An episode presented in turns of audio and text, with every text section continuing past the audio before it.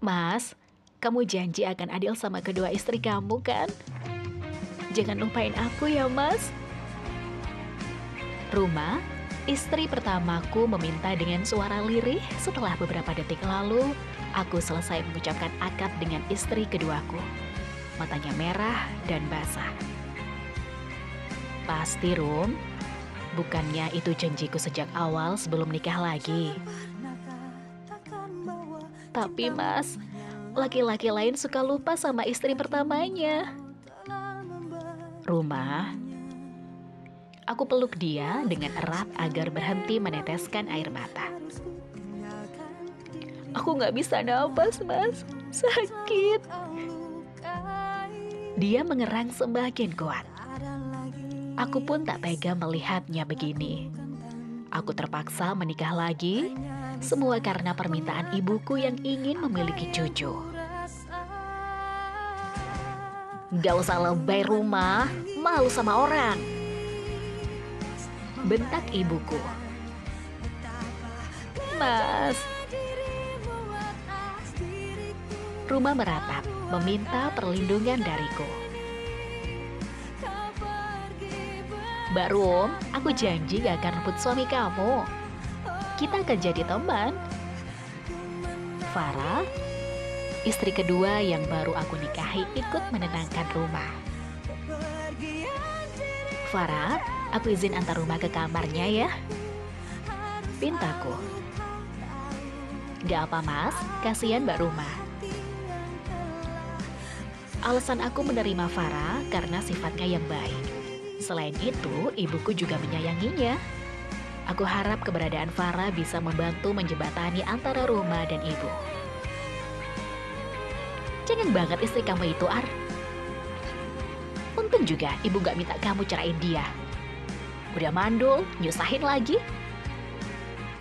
Omel ibuku.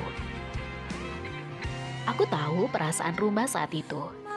Tapi aku tak berani melawan ibuku. Aku janji akan lebih membahagiakan rumah ke depannya. Walau rumah tangga kami tak akan seperti semula lagi dengan adanya Farah. Farah, aku pulang ke rumah-rumah ya.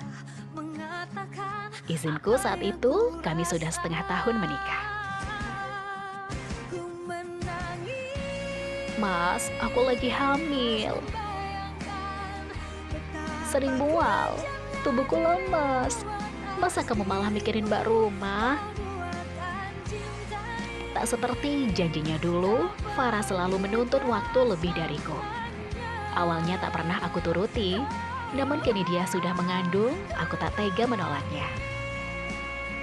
Tapi Farah, rumah juga butuh aku. Dia juga istriku. Oke, sana pergi mas. Seneng-seneng aja kamu sama dia. Biar aku menderita sendirian. Farah membelakangiku.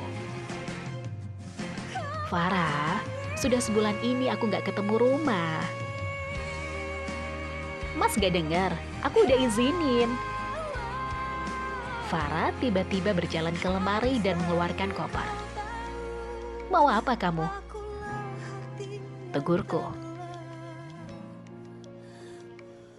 Pulang ke rumah orang tua, suamiku gak mau ngurus. Ya ampun Farah, di sini ada ibu, Bisarti juga. Mereka bisa jaga kamu. Yang aku butuhin kamu, Mas. Memang benar, hanya sedikit wanita yang berbagi suami bisa menjadi teman. Nyatanya, itu yang aku rasakan. Ruma dan Farah bahkan tak pernah bertegur sapa ketika bertemu.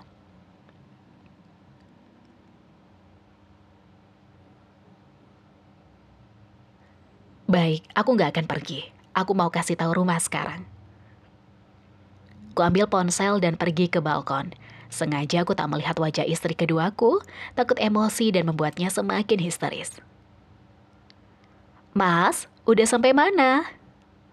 Tanya rumah di telepon dengan nada senang. Sayang, aku nggak bisa ke sana, maaf ya. Kenapa, Mas? Tanya rumah dengan nada kecewa. kamu tahu kondisi kehamilan Farah kan? Oh iya, ya udah, nggak apa-apa mas. Rum, aku nggak maksud apa-apa. Aku juga mau pulang ke rumah kamu. Aku baik, Mas. Nggak perlu khawatir sama aku. Meski terdengar kuat, aku yakin rumah saat ini sangat menderita. Tak bisa aku bayangkan bagaimana ekspresi wajahnya. Dulu setiap hari kami bertemu, kini kami hanya bisa bertegur lewat telepon.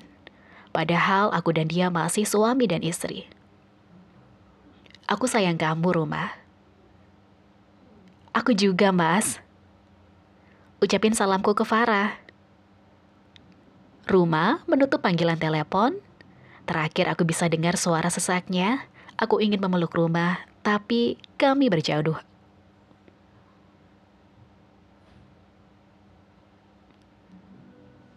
Tapi kami berjauhan.